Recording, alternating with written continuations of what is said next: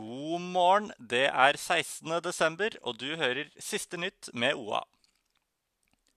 Hadsel kommune i Nordland møter Gjøvik kommune i Vesterålen tingrett i januar på bakgrunn av at Hadsel måtte dekke omfattende helse- og omsorgsbehov for en person selv etter at vedkommende hadde flyttet til Gjøvik.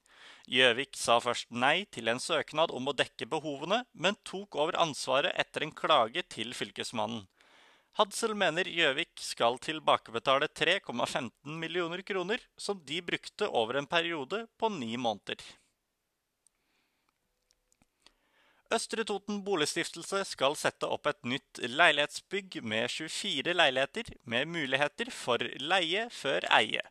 Bygget skal ligge midt i Lena sentrum og vil koste vel 21,5 millioner kroner.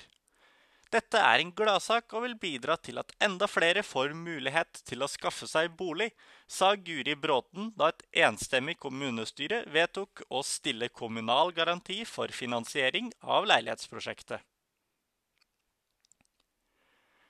Nye strømregler kan gi dobbel nettleie, og analysebyrået Ny Analyse har laget en rapport som viser at de som har investert mest i energieffektivitet, som isolering, varmepumper og solceller, vil kunne få en kraftig økning i strømregningen. F.eks.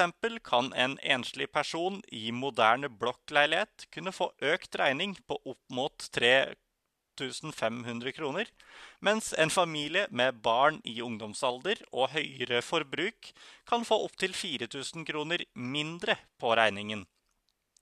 Det virker som klima- og forbrukerhensyn har havnet helt i glemmeboka, sier daglig leder i Norsk Solenergiforening. Dette var siste nytt med OA. Ha en fortsatt fin dag.